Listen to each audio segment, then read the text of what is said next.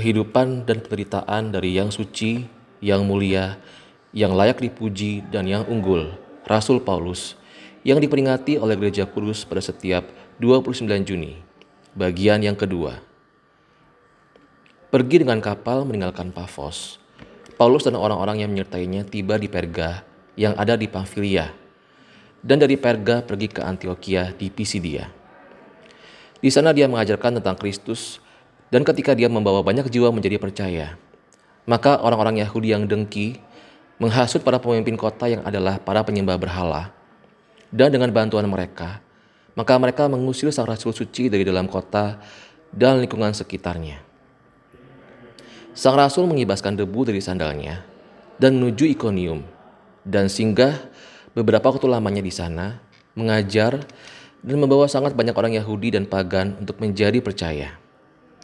Tidak hanya melalui pengajarannya, tetapi juga dari pertanda-pertanda dan keajaiban-keajaiban yang dibuat melalui tangannya. Di sana juga, mereka membuat sang gadis suci Tekla menjadi orang percaya yang diperingati setiap tanggal 24 September dan pertunangkan dia kepada Kristus. Namun Yahudi-Yahudi yang tidak percaya menghasut orang pagan beserta para pemimpinnya untuk menentang para rasul agar melemparinya dengan batu. Mendengar hal ini, maka para rasul itu mengundurkan diri ke Likaonia, ke kota-kota Listra dan Derbe, dan daerah sekitarnya. Mengajarkan Injil di Listra, mereka menyembuhkan seseorang yang kakinya lumpuh sejak dalam kandungan ibunya, serta belum pernah bisa berjalan. Dalam nama Kristus, mereka membuatnya bangkit berdiri di atas kakinya, segera berdiri dan mulai berjalan. Melihat hal ini, orang-orang berseru keras-keras dalam dialek Likaonia. Dewa-dewa telah turun kepada kita dalam rupa manusia.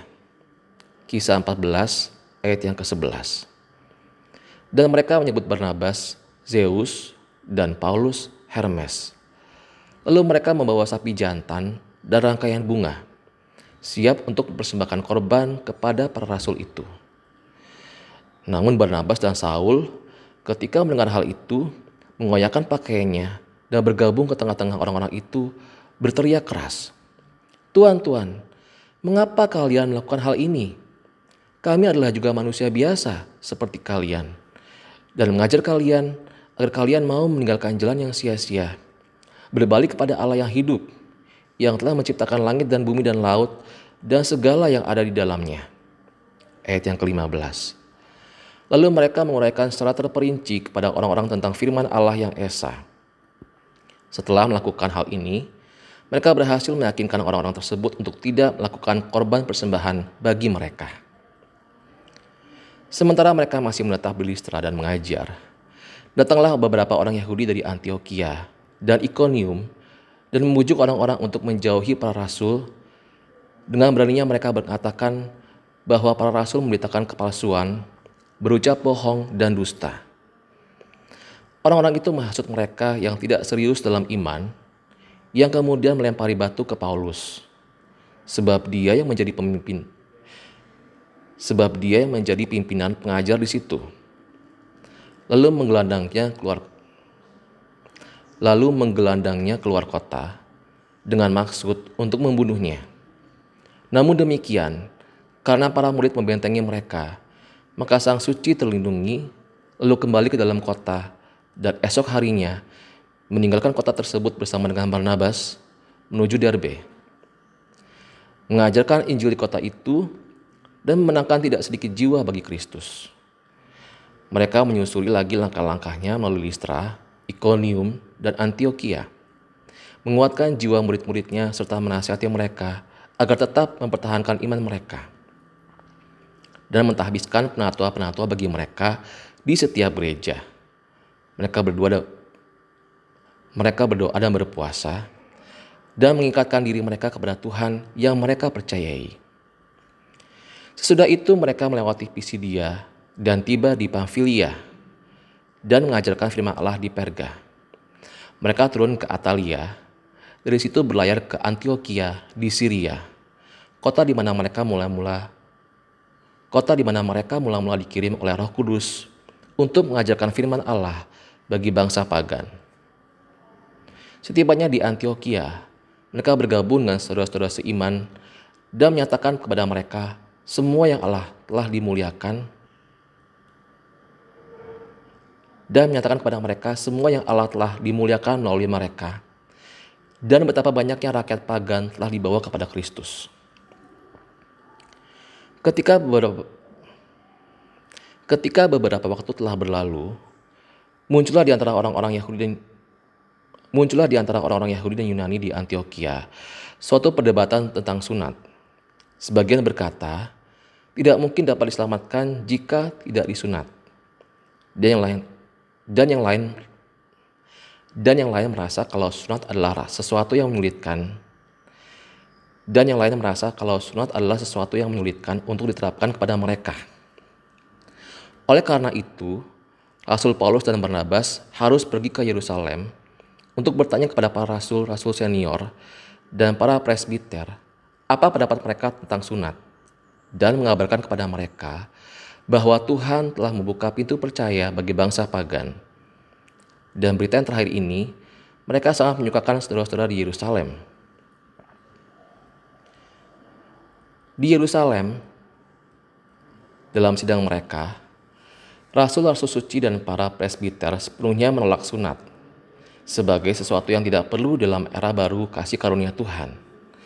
Mereka memerintahkan agar orang-orang Kristen menjauhkan diri dari pencemaran penyembahan berhala, dari perzinahan, dari makan binatang yang dicekik, dari dan darah agar tidak menyakiti hati tetangganya. Dengan keputusan bersama ini, memuaskan hati para rasul dan tua-tua dan seluruh gereja yang ada. Lalu mereka mengirim Yudas dan Silat Lalu mereka mengirim Yudas dan Silas yang terpilih di antara kumpulan jemaat untuk pergi ke Antioquia bersama Paulus dan Barnabas. Bersama Paulus dan Barnabas. Kisah 15 ayat 20 sampai 22. Setibanya di Antioquia, para rasul tinggal sementara waktu sebelum kembali ke bangsa-bangsa Kar. Paulus berkata kepada Barnabas, "Mari kita kembali mengunjungi saudara-saudara seiman di setiap kota di mana kita telah mengabarkan firman Allah untuk melihat bagaimana keadaan mereka. Barnabas memutuskan untuk membawa keponakannya yaitu Yohanes yang dipanggil Markus. Tetapi Paulus berpikir bahwa itu tidak baik untuk membawa Markus bersama mereka karena dia telah meninggalkan mereka di karena dia telah meninggalkan mereka di Pamfilia dan tidak menyertai mereka untuk membantu pekerjaan mereka.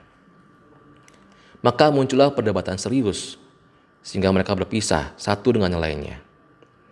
Barnabas kemudian membawa Markus dan berlayar ke Siprus, dan Paulus memilih Silas dan berangkat, diiringi pujian syukur atas kasih karunia Tuhan oleh para saudara seiman. Dia menempuh perjalanan melalui Syria dan Cilikia, menguatkan gereja-gereja Kisah 15 ayat 36 sampai 41. Ketika mereka tiba di Derbe dan Listra, dia menyunatkan Timotius muridnya di Listra untuk menghentikan pergunjingan di antara para Kristen Yahudi dan membawa Timotius bersamanya. Dia kemudian pergi ke Figrigia. Dia kemudian pergi ke Figrigia.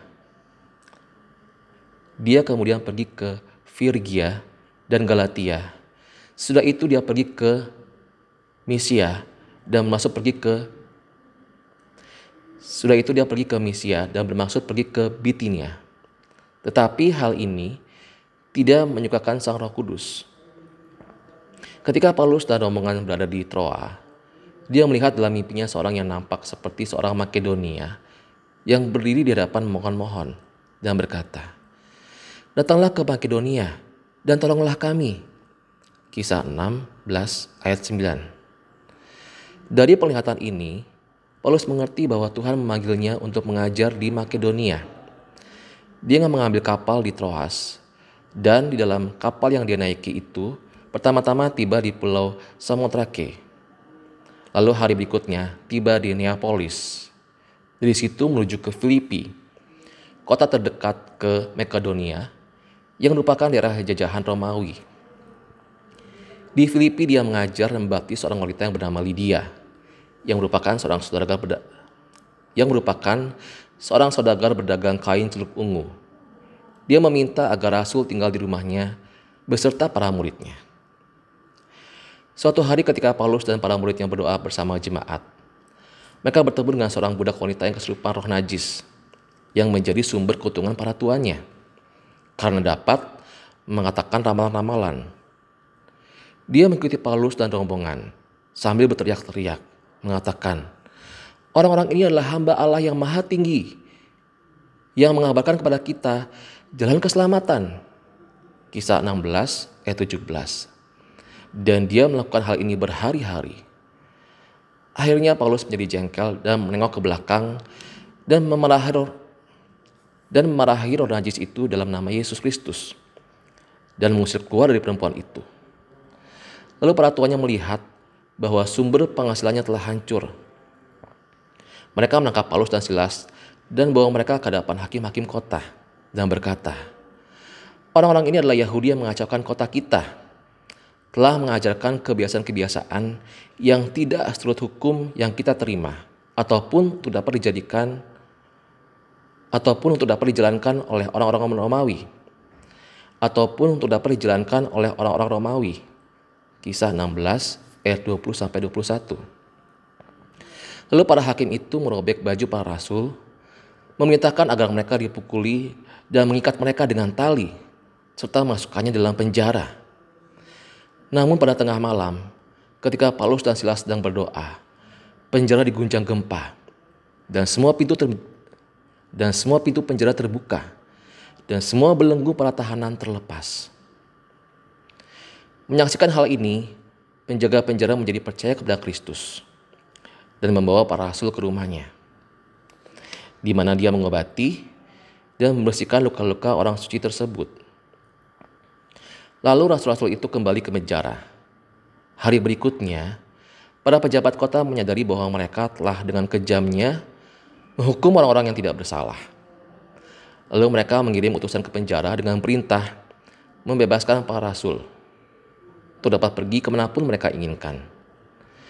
Namun Paulus berkata kepada mereka, mereka telah memukuli kami sebagai orang Romawi yang nyata-nyata tidak bersalah. Lalu telah memasukkan kami ke dalam penjara lalu telah masukkan lalu telah memasukkan kami ke dalam penjara dan sekarang mereka telah menyuruh kami keluar dengan diam-diam. Kami sangat tidak setuju, tapi biarlah. Kami sangat tidak setuju, tapi biarlah. Mereka datang ke sini untuk untuk mengeluarkan kami. Kisah 16 ayat 37. Lalu utusan itu kembali dan menyampaikan kata-kata Paulus kepada para hakim. Lalu mereka takutlah ketika mendengar bahwa tahanan yang telah mereka pukuli itu adalah warga Romawi. Dengan tergopoh-gopoh, mereka datang ke Paulus, memohon agar Paulus keluar dari penjara dan meninggalkan kota tersebut. Lalu mereka meninggalkan Lalu mereka meninggalkan penjara tersebut. Lalu mereka meninggalkan penjara tersebut, pertama-tama mereka menuju ke rumah Lydia, di mana mereka tinggal sebelumnya. Sehingga membuat bahagia kumpulan jemaat yang ada di sana. Setelah menyampaikan salam perpisahan, lalu mereka lalu mereka berangkat lalu mereka berangkat ke lalu mereka berangkat ke Amphipolis dan Apolonia dan dari sana menuju ke Tesalonika ketika mereka telah memenangkan ketika mereka telah memenangkan banyak orang dengan penginjilannya di Tesalonika maka orang-orang Yahudi yang jahat bergabung dengan beberapa preman keji. Lalu menyerang rumah Jason. Lalu menyerang rumah Jason di mana lalu menyerang rumah Jason di mana para rasul Kristus tinggal sementara waktu. Namun karena gagal menemukan para rasul di sana, mereka menangkap Jason, lalu menggelandangnya ke hadapan para penegak hukum di kota itu dengan memfitnah mereka sebagai musuh kaisar dengan cara mengakui seorang kaisar yang lain yang bernama Yesus. Dan Jason pun hampir saja tidak dapat melepaskan dirinya sendiri dari bahaya tersebut. Namun rasul-rasul suci berhasil bersembunyi dari orang jahat itu, lalu meninggalkan Tesalonika di malam hari dan pergi menuju Berea. Namun di sana orang-orang Yahudi yang dengki dan jahat tidak memberi peluang damai kepada jalan suci Paulus. Ketika para Yahudi dari Tesalonika mendengar bahwa firman Allah Ketika para Yahudi dari Tesalonika mendengar bahwa firman Allah diajarkan Paulus di Berea, maka mereka pun pergi menyusul ke sana. Mengendalikan dan menghasut orang-orang untuk menentang Paulus. Karena itulah Rasul Suci Paulus terpaksa pergi. Bukan karena takut mati, tapi karena desakan saudara-saudara seiman. Agar dia melihara hidupnya demi keselamatan banyak jiwa lainnya. Lalu, saudara-saudara seiman tersebut Lalu, Saudara-saudara si iman tersebut mengiringnya sampai ke tepi laut. Sang rasul meninggalkan kawan seperjalanannya. Sang rasul meninggalkan kawan seperjalanannya. Sang rasul meninggalkan kawan seperjalanannya, Silas dan Timotius di Berea untuk menguatkan petobat-petobat baru dalam iman percaya mereka. Karena dia telah mengetahui bahwa orang Yahudi hanya menginginkan dirinya. Karena dia telah mengetahui bahwa orang-orang Yahudi hanya menginginkan kepala dirinya saja. Dia kemudian naik menuju Athena. Di Athena, Paulus dikagetkan oleh sangat banyaknya patung yang memenuhi kota dan berduka atas kutukan-kutukan banyak jiwa di situ.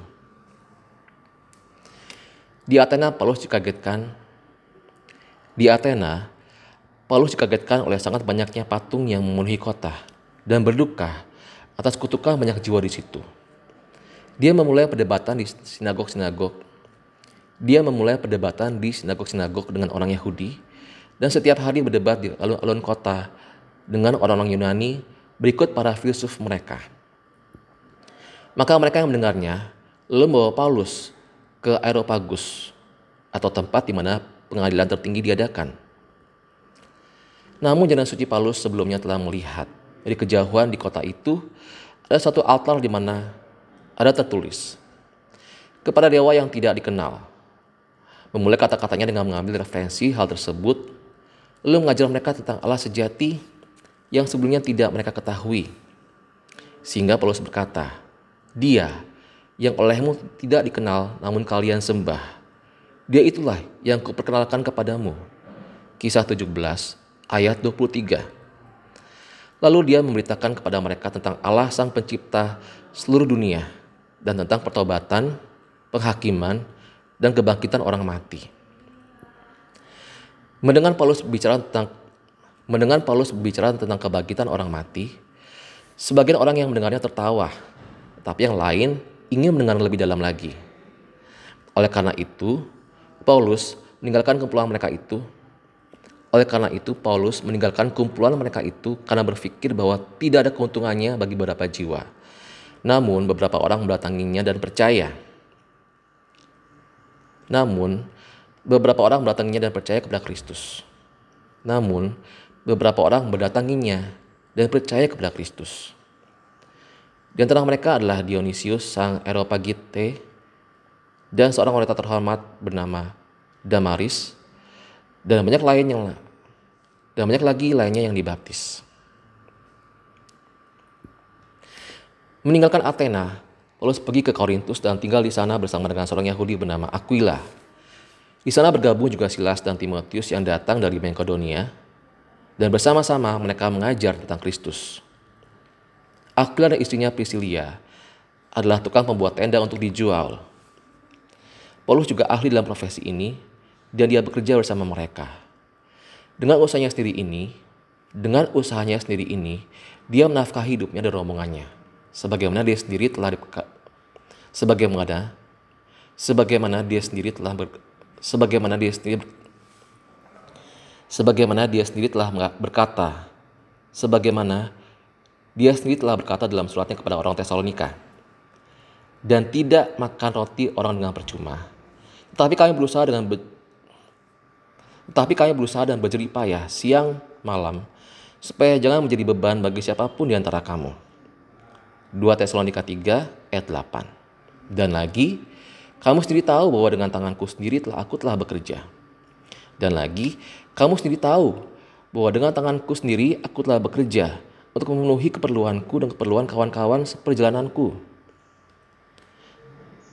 Untuk memenuhi keperluanku dan keperluan kawan-kawan seperjalananku. Kisah 20 ayat 34. Setiap sahabat dia menasihati orang Yahudi di sinagog-sinagog. Setiap sahabat dia menasihati orang-orang Yahudi di sinagog-sinagog mempertunjukkan bahwa Yesus adalah Sang Mesias.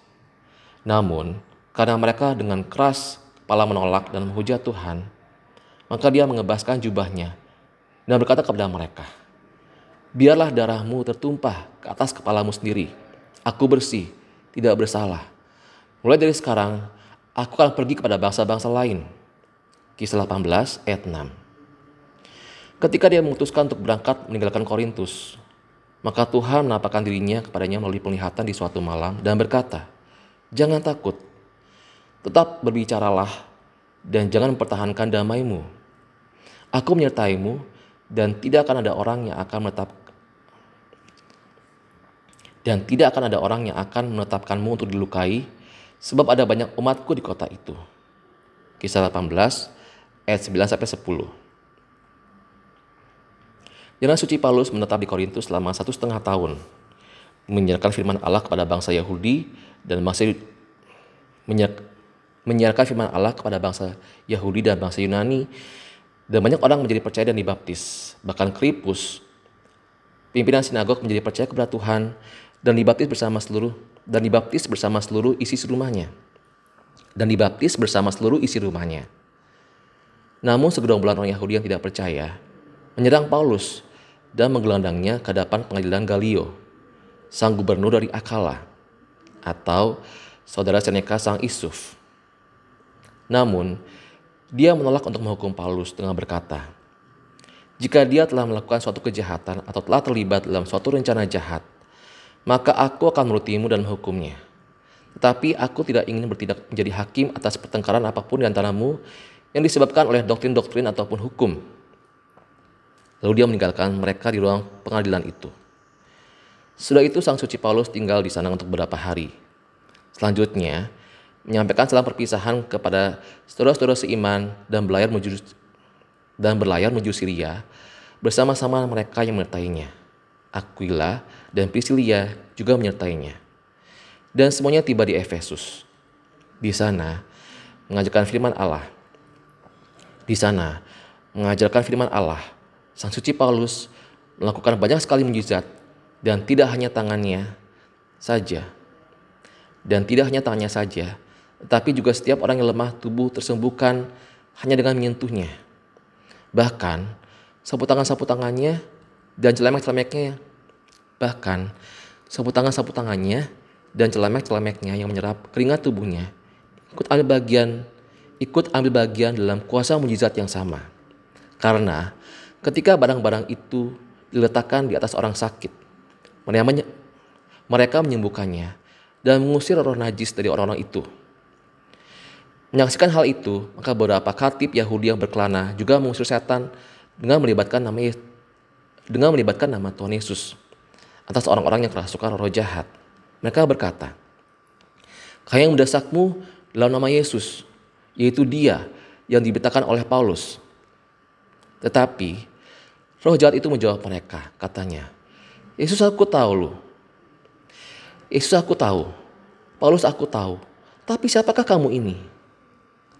Lalu orang itu ditimpa oleh roh najis, menyerang mereka, menguasai mereka, menyedot kekuatan mereka, lalu, lalu memukul dan melukai mereka, sehingga mereka telanjang bulat dan nyaris tidak dapat melepaskan diri dari orang dan nyaris tidak dapat melepaskan diri dari orang yang kerasukan itu. Peristiwa ini diketahui oleh seluruh orang Yahudi dan orang Yunani di Efesus. Peristiwa ini diketahui oleh seluruh orang Yahudi dan orang Yunani di Efesus. Dan ketakutan menimpa mereka semua. Lalu, nama Tuhan Yesus dipermuliakan dan banyak orang menjadi percaya kepadanya. Dan bahkan banyak dari mereka yang adalah penyihir, sesudah menerima iman suci, mereka membuang buku-buku rapalannya ke dalam api, dan ketika barang-barang itu dihitung nilainya, sebesar 50 ribu drahma.